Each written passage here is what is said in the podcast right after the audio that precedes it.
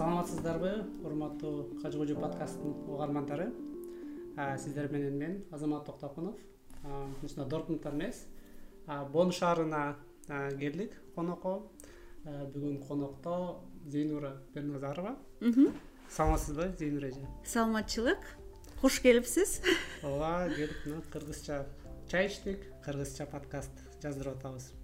Өзүңүз жөнүндө бир аз тааныштырып кетсеңиз өзүм жөнүндө тааныштырып кетсем ошол менин атым зейнура бирназарова. Германияда ушул эки миң тогузунчу жылдан бери жашайм. Үй бүлөлүүмүн бир кызым бар. Азыркы учурда иштеп атабыз. Бул бойну университетинин политология жана социологиясын социология бөлүмүн бүткөм азыр болсо ошол немис тилден мугалиммин. Мигранттарга немисче үйрөтөм. Экзамендерге даярдайбы даярдайм. Медсестра болом десе же мен мисалы кассир болом десе кесипке э, тил жагынан даярдайбыз да. Жана интеграционный курс деп коет ошол ошол интеграционный курста дагы э, сабак бергем чындыгында. Эки жыл сабак бергем. Э, интеграционный да курстар бар альфа курстар дагы бар. Э, алар болсо альфа курстар жанагы э, мамлекетинде мектепке барбагандар же латын тилинде окуган эмес же жазган эместер барат да. Анан мен болсо азыр жанагы мигранттарды кесипке даярдоо курсунда эмгектенип атам да дагы мигранттардын оор абалдарын баарын биле турбайсызбы? Э ошол теманын баарын көрө турбайсызбы ичинде? Аябай көп нерсени көрөм дагы угам дагы анан кээде ушундай таң калам мындай кандай абалда жашап кандай абалда германияга келип азыр кандай абалда жашап атышканынчы анан мисалы кантип германияга келгени дагы мындай айтып берсе өзүнчө э, кызык да. Оор жол менен ушундай кыйынчылык менен келишкендер да.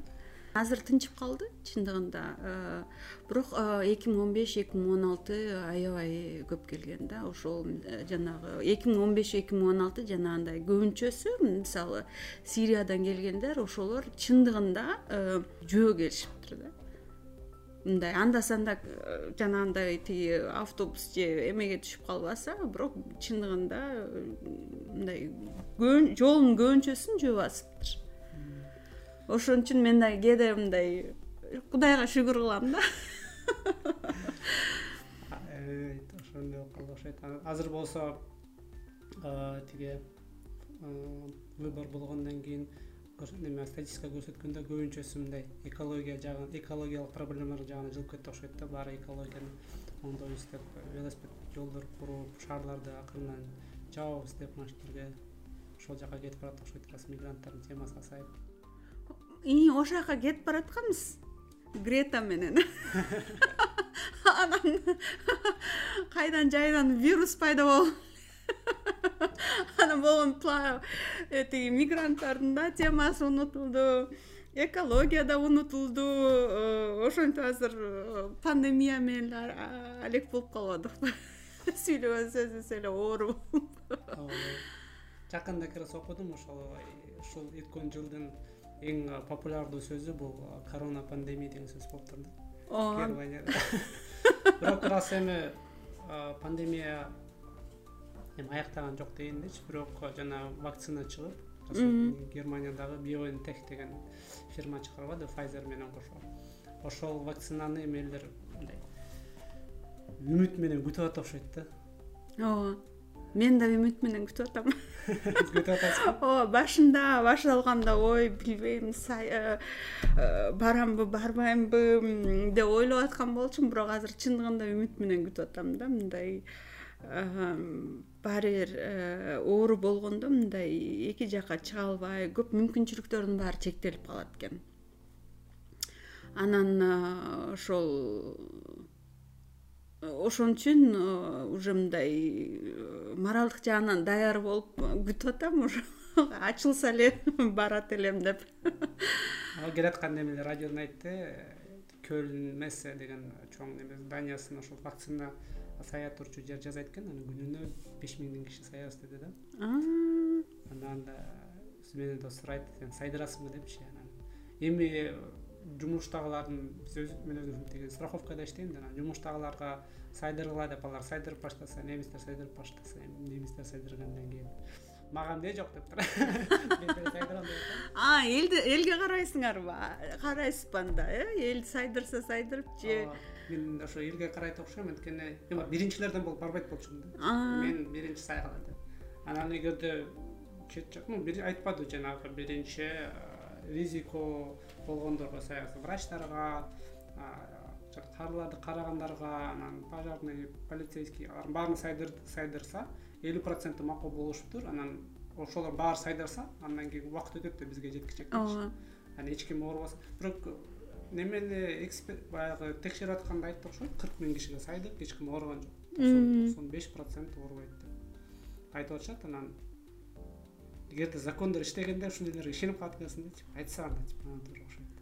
Чындыгында чындыгында мисалы мындай э, жакшы айтып кеттиңиз. Мисалы закондор иштесе мисалы мындай мисалы дарыга дагы ишенич бар. Э, политиктерге да ишенич бар анан э, мамлекетке да ишенич бар да. Закон иштесечи. Ооба азыр тиги жана госпожа меркель айтып атамсыздар биздин фрау меркельдин партиясы правительстводон коалиция ошолор э, неметип неметип атышпайбы акыркы решениялардын баарынчы анан ошол коронавирустан кийин дагы алардын э, немеси өсүптүр популярдуу болгончу анан да бир ошол демеден окудум. Шайлоого баратканда депутаттар жанагы обещание беришет го тигини жасайбыз буну жасайбыз депчи.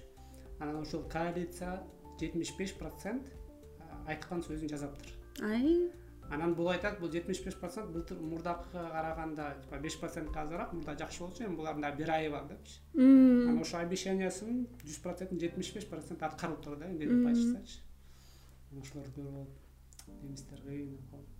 Ооба чындыгында мындай немистерде мындай адамдарында деле политиктеринде деле мындай популисттер аз да.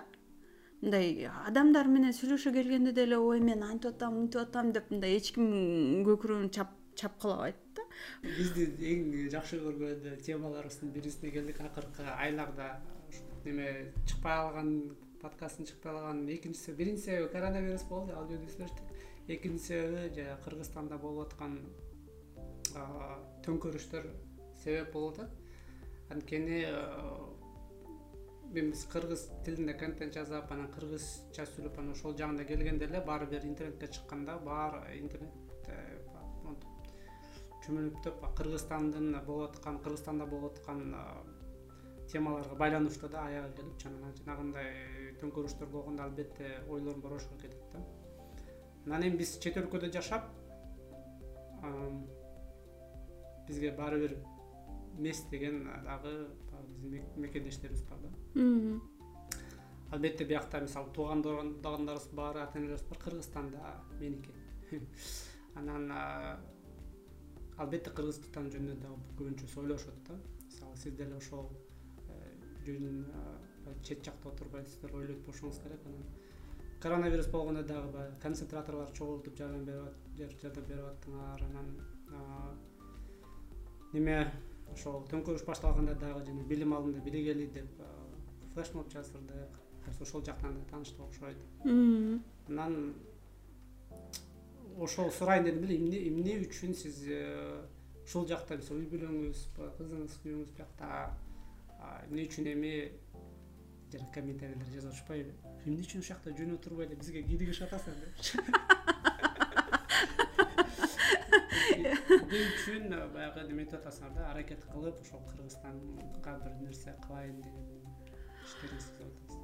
Баары бир э, мисалы чындыгында кудайга шүгүр мисалы кудайга шүгүр э, бул жакта менин мисалы мен үй бүлөм бул жакта. Мисалы үй бүлөм дегенде эми мисалы менин жолдошум кызым бул жакта жакшынакай жашап атабыз дегендейчи анан бирок баары бир киндик э, каным мисалы кыргызстандан тамган.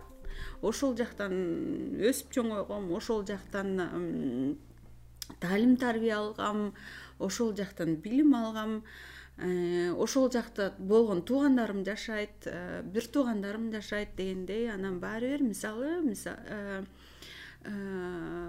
мамлекетимдин мисалы келечеги Э, тагдыры мен үчүн э, мисалы жөн эле сөз эмес да. Мисалы чындыгында мен мамлекетиме күйүп турам да чындыгында туугандарыма күйөм мамлекетиме күйөм.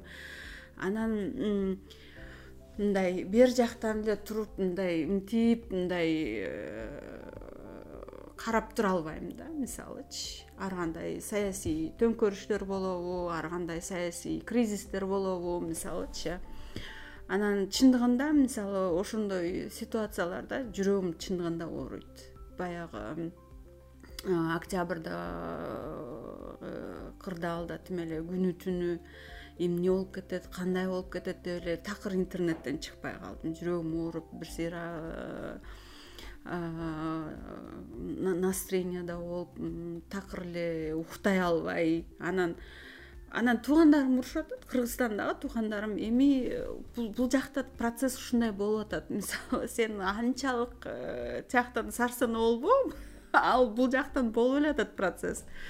Андан көрө э, оокатыңды кыл деп мени урушушту.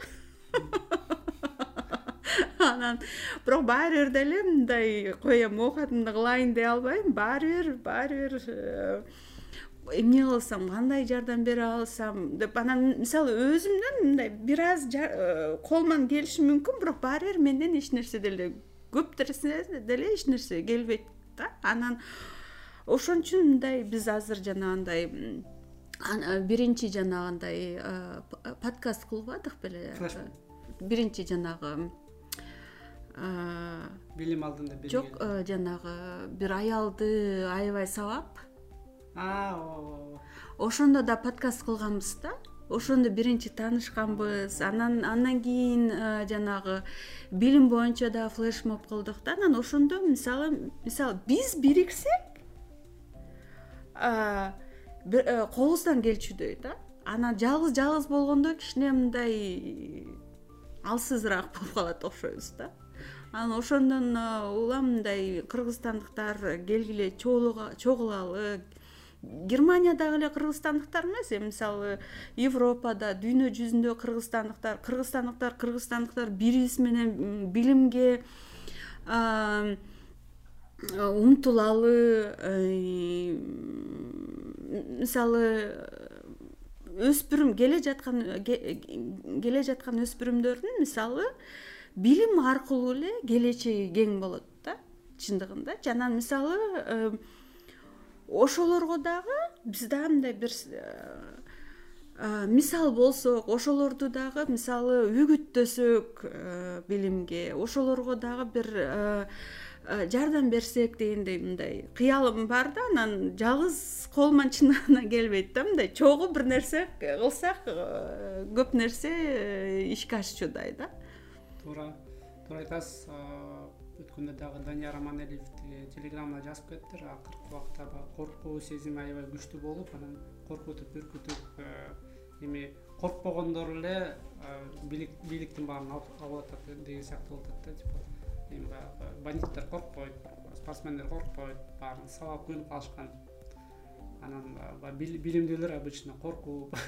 Мындай физикалык физический жактан коркуп бирок э, мындай менталдуу жактан көп деле коркушпайт бирок мамлекеттин ичинде жүргөндө жанагындай процесстерге аралашып жүргөндө все равно биздин культура басып салат окшойт да. Анан чет жактагы кыргыздардын ошол бир отличительный чертасы бул чет жакта баягы көбүрөөк жашап мындай коркуу сезими азайып калгандай сезилет да. Анан бул жакта баягы закон иштейт закон сени сенин жакта мисалы милиционер сенин жакта сени коргойт деп көнүп калып анан баягы коркуу сезимдер акырындан кете баштайт экен да. Анан бирок ошентсе деле кыргызстандын баягы ички иштерине киришкенде баары бир корко баштайсың да кыргызстанга барганда эмне болот камап салат анан туугандарың да коркот койчу саясатка аралашпай депчи. Анан биз бирок эми таптакыр эле саясат болуп кеткен болсо биз мисалы көбүнчө социалдык жумуштарга көбүнчө биригебиз да мисалы билим жөнүндө или жанагындай ковид болгондо ошого биригишебиз анын үстүнө сиз айткандай ошол кыргызстан айтат эмес диванный критик депчи. Диванда отуруп эле баары мындай тигил деп оюн айта берсең бул бир жак да. Эгерде сен чет өлкөдө жашап менин оюмда чет өлкөдө жашап бул жакта закондорду билип бул жактан кругозоруң кеңейип анан ошол өз тажрыйбаңды айтып барсаң даже диванда отуруп делечи бул эми критик эмес эми сен өзүңдүн тажрыйбаң менен бөлүшүп атасың да билимиң менен бөлүшүп атасың айтып атасың. Башкача жашаган деле мүмкүн бар экен. Законду сактаган сактап жашасаң деле жашооң башкача болот экен деп. Биздин э, милдет ошол айтып бериш керек деп ойлойм. Ошон үчүн мисалы бүгүн сизге келип ушу сиздин тажрыйбаңызды сурап жана бөлүшүп башкача ой менен бөлүшөйүн деген болчумун. Ошол анан анда сиз жөнүндө дагы сурасам азыр саясат болуп кете элек кантип германияга келип калдыңыз эмне үчүн германия деги эле өзүңүздүн ушул башындагы тажрыйбаңыздан айтып берсеңиз. Негизи мен арабаев атындагы университетте чет тилдер факультетин бүткөм анан эми мындай мындай айтканда мындай эми нарындан келип эле өз күчүң менен эле окуп эле өз күчүм менен университетти бүтүп эле андан кийин ошол эми мисалы ойлондум да мисалы мен э, чындыгында аябай э, мектепте окуп жүргөндө эле мисалы чет жакка барып келсем чет жакты көрүп келсем ошол деген мындай мындай э, дайыма мындай эме бар болчу да мындай дилгирленип жүрчүмүн да анан ошон үчүн дагы тапшырган да ошол болду окшойт. Ошол чет тилдер факультетине. Андан кийин анан университетти бүткөндөн кийин мисалы ал кезде мисалы мен университетти бүткөндө мындай мүмкүнчүлүктөр аябай аз болчу да. Мисалы көбүнчөлөрү ар кандай программалар менен кетчү бирок алар дагы мисалы жанагындай эми кээ бирлери өз күчү менен кетет бирок ал программа менен кетиш да аябай кыйын же э, жанагындай э, эми чоңдордун балдары же колунда бардын балдары кетишет да э, чет өлкөгө. Анан ошо мисалы эми мындай среднестатистический деп коелучу ошол мындай программаларды карап отурсам ошол э, опер деген программа бар экен да. Мисалы бир мындай мүмкүнчүлүк да чет өлкөгө чыгышчы анан ошондо мисалы кыргызстанда эки эле э, мамлекетке мен окуп жүргөндө эки эле мамлекетке мүмкүнчүлүк бар болчу. Ошол германия анан франция. Анан ойлонуп отуруп анан э, ошол мен аябай францияга баргым келди. Ошол мындай тилди үйрөнүп бир аз үйрөнүп мындай аябай катуу үйрөндүм деп ойлоп баргам анан ошол францияга э, ошол бир агентство аркылуу э, үй бүлө үй бүлө таап алматыга барып виза алып анан ошентип францияга кеттим. Анан э, францияда жүргөндөн кийин ошол э, чындыгында мен аябай мындай кетип баратканда эле элдин баары эле ой зейнура эми бизде мындай болчу да баары эле мага мынтип айтышты да. Ой зейнура эми сен эмне кылмак элең кыргызстандан? Тияка барып эле э, французга чыгып алып эле вино ичип сыр жеп отуруп эми биякта эмне кыласың деп ушинтип кетиришкен да мени анан мен ой койгулачы айланайын мен просто эки жакты көрүп анан келип кайра мамлекетиме кызмат кылам деп алып кеткем. Ушундай настрой менен кеткем анан анан ошол жактан анан бир немис бала менен таанышып калып анан экөөбүз э, турмуш куруп анан германияга келип калгам да. Анан чындыгында мисалы ошол э, бешенеге жазылганбы билбейм мисалы чындыгында эч качан мен ойлогон эмесмин да бир мындай э, чет өлкөлүккө турмушка чыгамбы депчи мындай андай ойлор такыр болгон эмес элдер ой десе да жок ай депчи. Ошентчүмүн да андан кызыктуу экенчи эле францияга барып франциядан германияга келген. Ошон үчүн подкаст жаздырганды жакшы көрөм да ушу кишилер менен таанышып бетме бет сүйлөшүп келгенде баягы кызыктуу окуялар же кызыктуу ушундай эме моменттер чыгат да жашоо жакшы да анткени баары окшош бири бирине окшош эмес да ар бир адам уникалдуу да. Европаны ошонусу чыгат биздикилер э, биздикилерди мына бөлүп атам да бирок э, совет жагы деп коеюнчу. Мындай элдер деп сүйлөйт го. Типа элдер макулдап атат анан ошон үчүн биз ушундай закон каалап атабыз депчи. Неме мындай обезличенный да общество деп атат депчи. А биякта антпейт да биякта эл эмес биякта бир киши да. Ооба. Мына могул киши депчи. Ар бирөөнүн уникалдуу. Жок биз азыр баарын карантинге жабабыз. Анткени ар бир адамдын э, өмүрү бизге баалуу. Монча киши өлүп атат ошон үчүн биз баарын сактап калгыбыз келип атат ошон үчүн баарыңар карантинде отуруңар бул баардык элдерге эмес бул ар бир киши үчүн дейт да.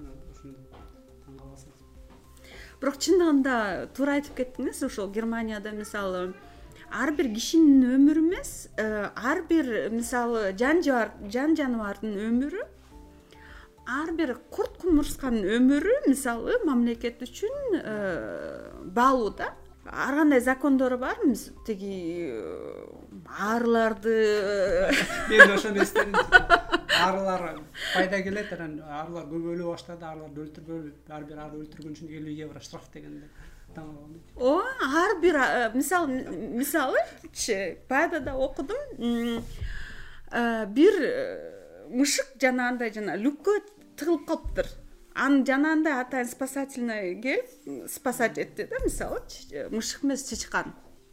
Мисалы. Анан баягыда дагы бир бир шаарда строительство башталбай калыптыр. Башталалы десе жанагы жарганаттар барго алар э, ээлеп алыптыр да. Анан кышында алар аякта болот окшойт да. Анан ошон үчүн э, жазында э, башталат экен алардын э, тынчтыгына э, зыян келтирбейли деп анан ошол азыр э, ооба тиги өткөндө дагы радиодон баламды мектепке жеткизгенде радиону кийгизип алам немис жүрөм деп анан радиодон тиги неме келди да биздин жердин министри президент деп коет эмеспи губернатор. Анан интервью берип атат да. Ну радиодон сурап атышат анан кааласаңар чалгыла деп атат. Прямой эфир чалып сурооңорду берсеңер болот деп атат анан айтып берип атат ушундай коронавируска карата там ушундай иштерди кылып атабыз анан мындай иштерди кылып атабыз түшүнгүлүү азыр аябай кооптуу убакыт депчи анан бир кичинекей бала чалып сурап атат да. Жок биринчи бир киши чалып сурады вот силер мектептерди иштетип койдуңар мектептер калган башкасын баарын жаап койдуңар. Мисалы музыкалдык мектептер да жабылып калды ал деле мындай мектепке тиешелүү да эмне үчүн аны жаапсыңар ал жакта деле жанагындай правилалар менен окуса болмок да деп да анан тиги мен ойлонуп көрөйүн деди да анан кийин бир жумадан кийин айтты макул мектептер ачыңыз депчи бир киши чалган үчүн эле да. Ал айткан жок мен элдердин баарынан сурайын депчи. Андан кийин дагы бир бала чалып сурады. Айтат биз вайнакты ну жаңы жылды рождество. Рождествону ар дайым мен чоң ата чоң апалар менен бирге тосом депчи анан эми неме беш кишиден ашык э, үч үй бүлөдөн эки үй бүлөдөн ашык чогулбайт деп атасыңар анан биз кантип тособуз рождество рождествосу жок калабыз го деп атат анан кийин менде бир идея бар дейт да. Келгиле биз мектепке каникулга эртерээк чыгалы анан биз үйдө карантин катары отуралы. Анан карантинде отургандан кийин биз оороган жокпуз анан туугандар жака барсак болот. Кандай дейсиз идея десе мен ойлонуп көрөйүн деди да. Андан кийин бир жумадан кийин алар чогулуп сүйлөшүштү анан ошол жактан ушинтип э, обсуждать эткен окшойт да анан кайра келип айтышты макул. Биз немеге эртерээк чыгаралы депчи бир киши чалып ошол оюн айтып өзгөртүп койду да. Бүт башкаларга дагычы анан айтып атам биз жана петицияга канча миң кишинин мнениясын чогултуп атабыз? Эч ким аны караган да жок дейт урган жок да. Башка элдер деди да кайсы элдер эч ким айткан жок да кайсы элдер деп типа элдер деп койду и все чындыгында чындыгында бул жакта мисалы мэрия болобу э, мындай э, мамлекеттик организациялар болобу политиктер болобу элдин э, мнениясын дайыма угушат да. Анан ошого жараша иш кылышат да. Анан мисалы чындыгында буга чейин көрүп жүрөм мындай политиктер болсо ошол элдин жашоо шарты оңолсун эл үчүн иштейли деп эл үчүн аракет кылышат да. Мындай келип эле мындай ии мен тиги азыр министр боло калдым чөнтөгүмдү толтурайын дагы анан андан кийин эмне болсо ошо болсо дебейт да. Мындай чындыгында элдин жашоосу үчүн элдин келечеги үчүн мамлекеттин келечеги үчүн иштешет да. Анан ушу ошондой тиги уровеньге качан жетебиз? Анан ошо ошо ошондой суроолор келет да жоопторчу силер салыштырбагыла дейт да германияны салыштырбагыла алар европада канча жылдан бери салып келген депчи.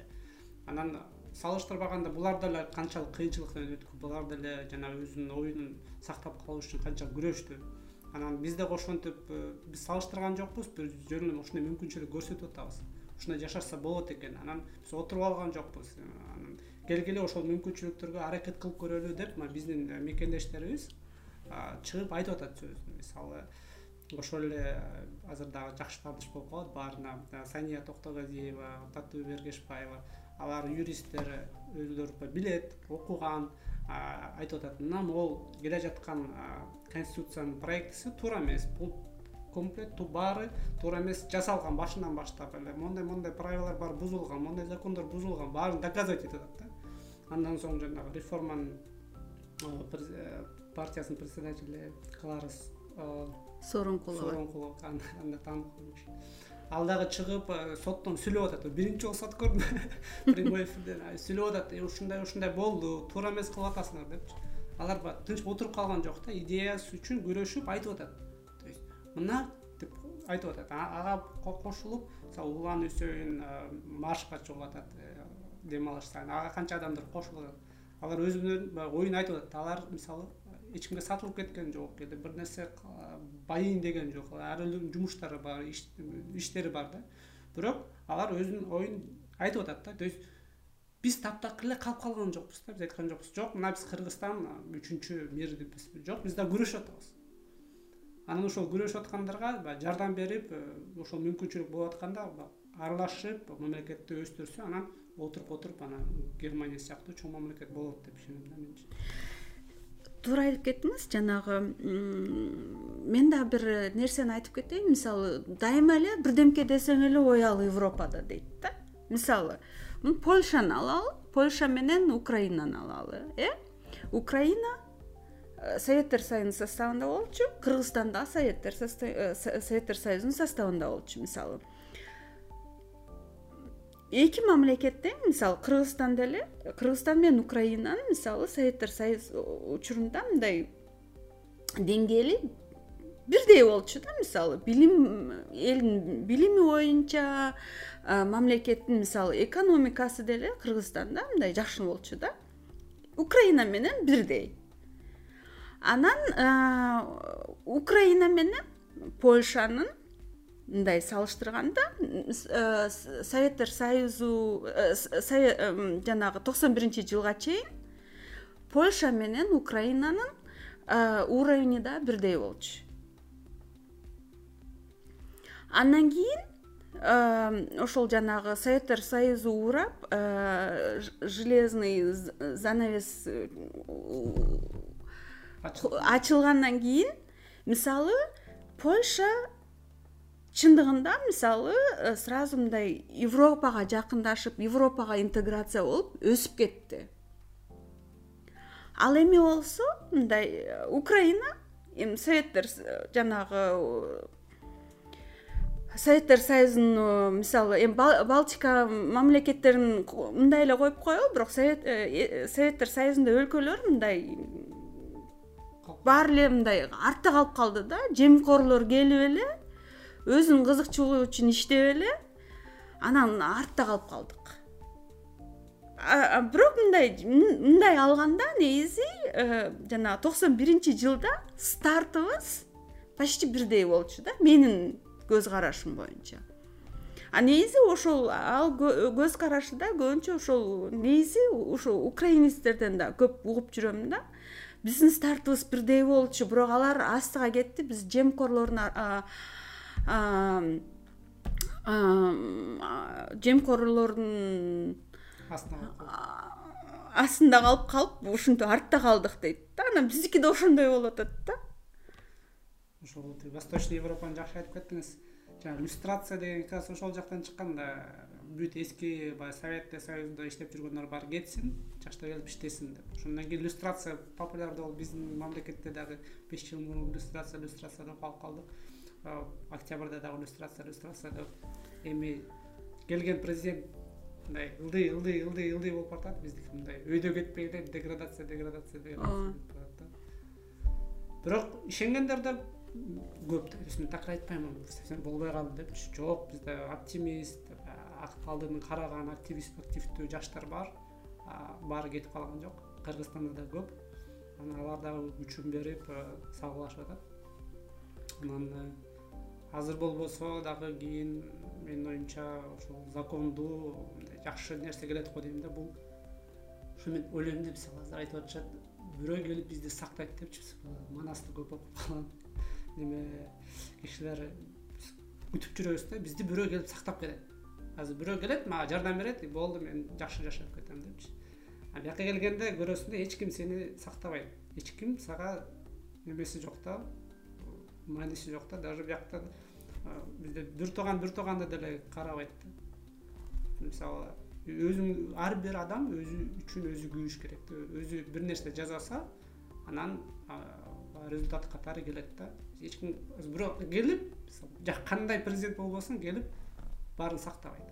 Кимиси келсе дагы. Туура туура негизи биз мындай эме да мисалы кыргызстандыктар ар бир киши ошол э, ответственность алып жоопкерчиликти алып анан ошого жараша мисалы ар бир киши мисалы э, мамлекеттин э, келечеги үчүн салым кошсо өнүкмөкпүз да а бирок бизде эч ким жоопкерчиликти алгысы келбейт. Ошон үчүн күтүп отурабыз да. Бирөө келип анан кылат депчи мен ушундай көрүп атам да мисалы ситуациянычы эч ким жоопкерчилик албай эле ошо бирөөнү күтүп атат да. Же алгысы келбейт. Анан эми канчалык күчтүү адам келбесин мисалы путин келсин деп коелу путин келсе дагы ал мамлекетти кичинекей убакытка чыгарса дагы чоң убакытка чыгара албайт да. Азыр мисалы путин россияга келди путин кичине оңдоду бирок аягы келип эле азыр россия каяка баратат европадан канча артта калды? Москва аябай өнүгүп атат бирок россиянын башка шаарлары эмне болуп атат адамдары эмне болуп атат неме диктатура баары немеге чыгып атат мисалы? Тиги неме владивосток жагы сибирь жагында митингге чыгып атышат. Тажады кандай кедей жашап атышат? Европага карагандачы европа жаман жаман дейт. Типа эң популярный эмес гейлер жүрөт тегерек четте депчи андай жок болсо дагы аз алар деген меньшинство да. Биякта деген ар бир адам өзүнүн жашоосун жашайт жакшы жашайт. Мүмкүнчүлүктөр түзүлгөн да негизи жанагы э, гейлер деп айтып калдыңыз. Ал деген э, негизи э, пропаганда да. Мне кажется даже эми жаңылышым мүмкүн бирок путиндин пропагандасы болуш керек да. Анткени ал мисалы мамлекетке мисалы бир кандайдыр душман керек да мындай искусственный душман. Анан эми биз деген мисалы э, душманды искусственный душманды пайда кылып коюп эле анан кой биз даяр турушубуз керек алар бизди антишет мынтишет деп мындай пропаганда болуп эле калган нерсе да. Европасычы а бирок э, жанагындай дагы бир эмеси бар старушка европа беле эмне эле ушундай дагы бир э, эмеси бар. Загнившийся загнивающий запад. да ошонусу дагы бар. Бунун баары э, пропаганда да. Анан эми мисалы кыргыздар ошону мындай түздөн түз алып алышкан окшойт. Бизде орт көрсөтөт постоянно. Ртр көрсөтөт общественный каналдар. Телевизор көргөндө телевизордо жанагы соловьев дегендер кайра кайра эле мына американецтер баарын бузуп өткөндө атышкан америкада выбор болгондо карап ала кийинки беш жыл или кийинки төрт жыл силердин жашооңорго жашооңорду оңдойлоп аткан киши ошол киши болот депчи. Ооба негизи чындыгында вот кыргызстандыктар аябай мындай россиянын пропагандасы аябай мындай россиянын пропагандасынан көп нерсени алышат да мындай ошого да катуу ишенишет да чындыгында мен кыргызстанга барганда дагы мындай кээде мындай билимдүүлөр дагы ошол э, кээде мисалы кремльдин сөзүн сүйлөшөт москванын сөзүн сүйлөшөт да мисалы. Анан чындыгында мындай ошол э, россиянын пропагандасы ошол биздин кыргыздардын канынан бери сиңип кеткенби европада пропаганда жокпу германиянын пропагандасы жокпу деп. Кээде элдер неме айтпаш керек конечно германиянын пропагандасы күчтүү болчу тиги третий рейх убагында азыр болсо алардын баарын жоготушуп адамдарга тийишпейт жашооңду алдынан алып алып деле. Алып бербесең башыңды жалабайсың анан алган закондорубуз бар жашай бер дейт. Анан кантип кантип ушундай ушундай уровеньге келишкен? Менин оюмча бул билим да. Ушундан башталат башынан билим менен жанагы тарбия. Ооба. Анан сиз ушинтип германияга келип калып опер опер негизи аябай популярдуу экен францияда франция оперди франциядан кылгам франциядан анан германияга келип бирок биякта үйдө отура бербей окууга тапшырыптырсыз э ошо бул жака келип немистерин үйрөнүп андан кийин анан ошол университетке тапшырып политология социология бөлүмүн окуп бүтүп анан анан ошол окуп жүргөндө сабак берип калдым. Жана орус тилден сабак бердим. Жана кыргызстанга россияга кетип аткан жанагы гейцет боюнчачы ошол жакта мисалы ошол жана россия же казакстан кыргызстан өзбекстандар өзбекстанга кетип атканда алар бул жактан э, жанагындай атайын бир э, даярдоочу курстан өтүшөт. Анан дагы бир э, бөлүмү ошол бир тил үйрөнүп кетишет да.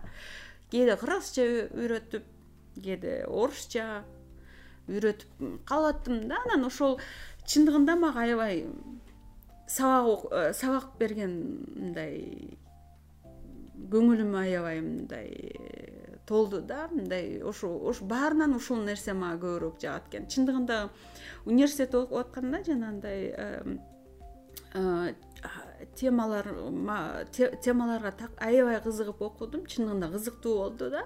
А бирок иштей келгенде мисалы мага баары бир мындай э, мугалимдик кесип жагат экен. Анан ошол окуумду бүткөндөн кийин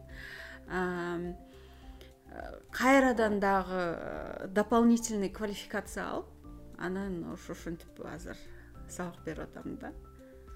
Булардын окуусу аябай оор э? Чындыгында аябай оор чындыгында аябай оор. Анан э, азыр эле сиз э, консульстводон келе атпайсызбы чынар асановна? Ал чалганда. Ал мага чалып калат да. Чынар асановна. сейчас я выйду.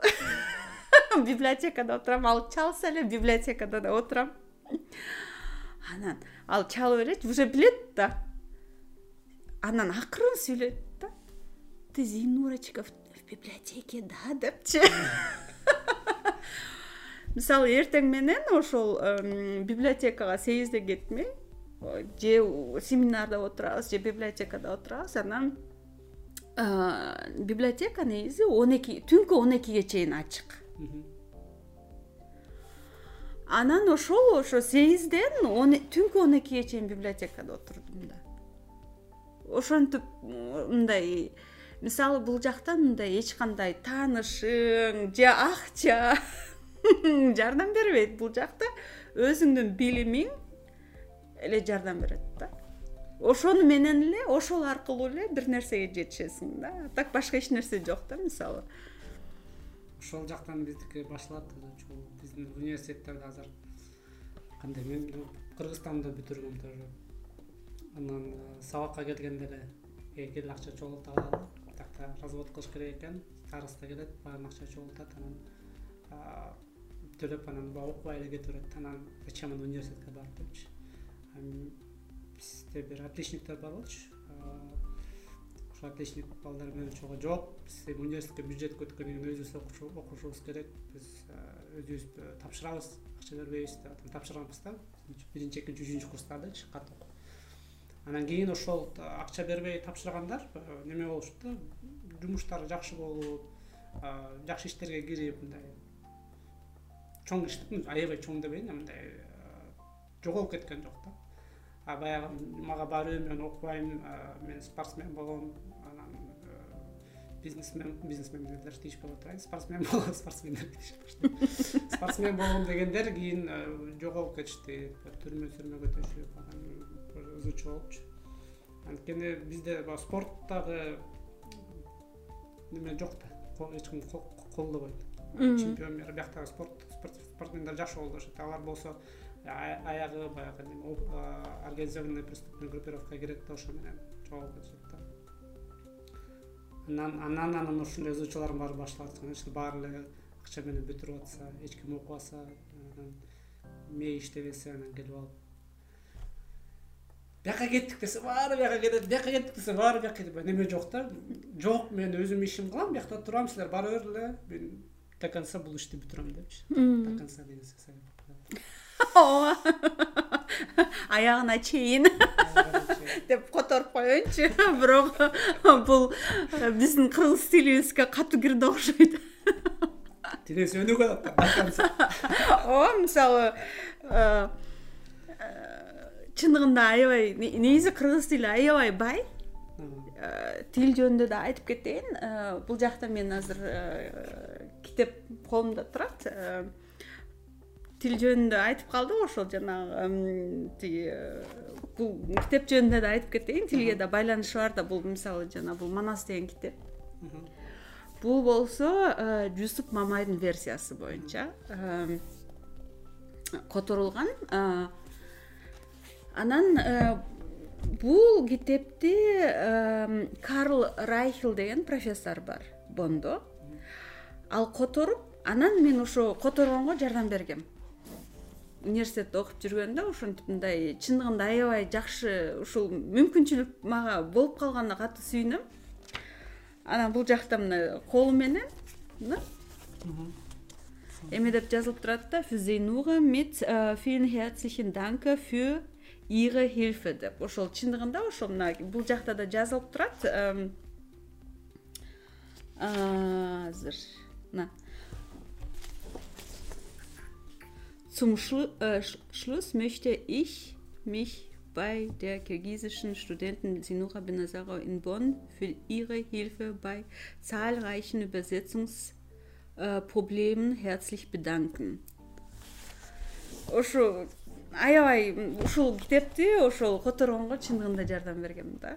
Мындай отуруп алып ар бир сөздү талкуулап ар бир сөздү мисалы кээде мындай кээ бир сөздөр чындыгында немисче которулбайт да анан аны туруп алып көргөзүп же ойноп берип же ушундай ушинтип кээ бир нерселерди чындыгында колум бутум менен көргөзүп сүрөт менен тартып бир жеткирген болчумун да. Анан анан негизи карл райхил э, бул э, профессор негизи э, англис тилинен профессор анан бирок көп түрк тилдерин көп тилдерин билет экен. Анан араб тилин билет орусча билет. Анан аны деген мындай үстүртөдөн эле билет деп айта албайм. Ал болсо ошол араб тилинен түрк тилдеринен орус тилдеринен эпосторду немисчеге англисчеге которуп Э, которот да. Мисалы ал киши мындай ал э, котормо менен мындай профессионально. э, эме профессионально которот да. Анан ушул киши айтып калды да. Мисалы баардык тилде дейт. Мындай башында кыйынчылык болот дейт. Андан кийин сөздөр кайталана берет дейт да эпостор. Ал чоң чоң эпосторду которгон профессор да. Мындай башында кыйынчылык болот андан кийин сөздөр кайталана берет дейт а манаста дейт ушундай мындай кыргыз тилинин ушундай бай экен манаста бир мындай сөздөр которулуп эме кайталанбайт дейт да мындай. И бир мисалы тиги бул биринчи эле тому да. Бир бир беш алты э, барактан кийин кайталанат десең дагы эле жаңы сөздөр жаңы сөздөр чыгып деп аябай мисалы таң калган да эми ал киши немис тилин жакшы билет. Англис тилин дагы как эне тилинин катарында катарын билет. Анан жана көбүнчө түрк тилдерин араб тилдерин орус тилди дагы мындай э, жакшы билет да. Анан ал киши ушинтип айтты да. Манас эпосунда сөздөр улам эле жаңы сөздөр чыга берет депчи ушундай мүмкүнчүлүк болгондо ал киши ошол э, манас эпосун э, англисче анан немисчеге которду да мындай одновременночи анан э, ошол мен англисче вариантын да карап чыгып эметип аттым анан немисче вариантын дагычы мындай так бере алдыбы же бере албай калдыбы же бул жактарында кандай деп ушулса мындай университетте ошол ал кезде эми вирус деген жок эме деген жок ошол университетте э, көп отуруп алып иштедик. Анан бир кыялым бар болчу бизде деген университетте эме бар болчу? Э, атайын бир кафетерия бар анан жанагындай тандемдер отурушат да тандемдер чай чай ичип же кофе ичип отурушат да. Мисалы немис анан мисалы кореядан келген студенттер анан экөө отуруп алып бирде япончо сүйлөшүп бирде немисче тандем кылып отурчу да. Анан мен аябай эметип берчүмүн да мындай кызыгып бир и мен да бирөөгө ушинтсем депчи. Мен да мисалы бирөөгө ушул бир тилимди түшүндүрсөм тилимди үйрөтсөм депчи. Ушундай бир кыялым бар болчу да. Анан ошентип карл райхел мен менен байланышып калып анан ушул китепти ошол чогуу котордук анан ошол баягы баягы кыялданып жүргөн кафетерияга барып алып анан отурчубуз да. Ошол жактан анан баягы чай ичип кофе ичип анан мен мына анан ал айтат да мисалы э, бул сөз э, казак тилинде мындай э, каракалпак тилинде мындай өзбек тилинде мындай анан баягы эмнеге мындай кыргызча? Деп анан бул сөз кандай тигиндей деп отуруп алып анан көп нерсени үйрөнүп көп нерсени тиги сүйлөшүп көп нерсени үйрөтүп көп нерсени корректировка кылып анан чындыгында мындай баягы кыялыма жеттим да ошондочу мисалы даже ашып түштүмбү все таки мындай китепти котордук дегендейчи анан азыр болсо башка варианттарын болсо кийин э, э, кыздуу болуп анан э, мындай мындай китеп издептерге деле убактым болгон жок. Анан ал кийинки версияларын кийинки томдорун башкалар менен которуп атат. Анан бир кейиштүү нерсеси азыр могу э, жанагы синьцзяндагы кыргыздар менен иштечү да. Бул китеп аркылуу. Анан азыр айтат ошол жанагы ошол жакта кыргыздар менен азыр контакт жок дейт жоголуп кетишти дейт да.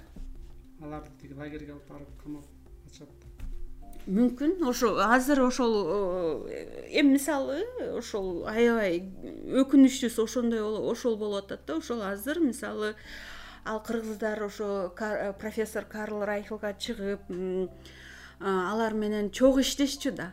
Анан азыр алар жоголуп кетти деп атат да.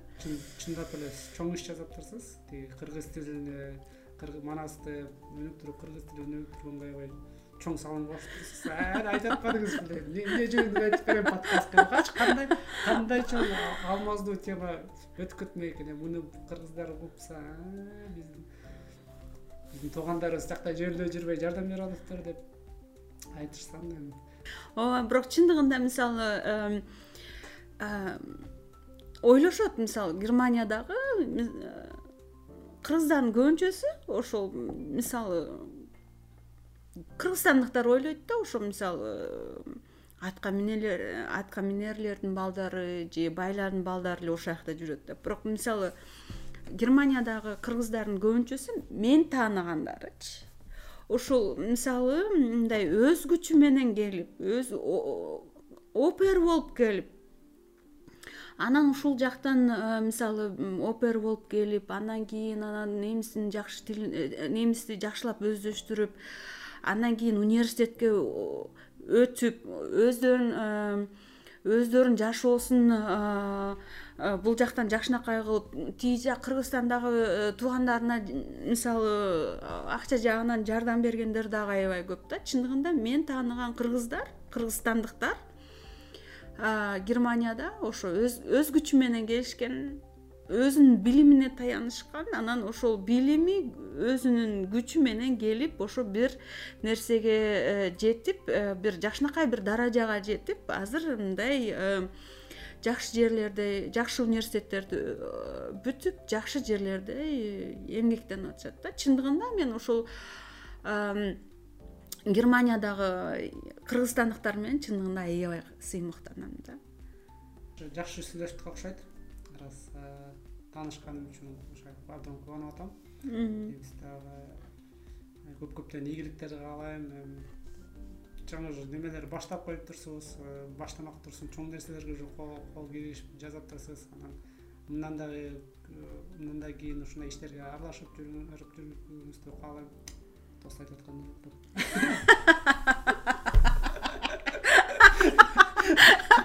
биз мындай кичинекей кезибизден тост айт деп эле көндүрүшкөн да. Бата берип кой бата берип кой.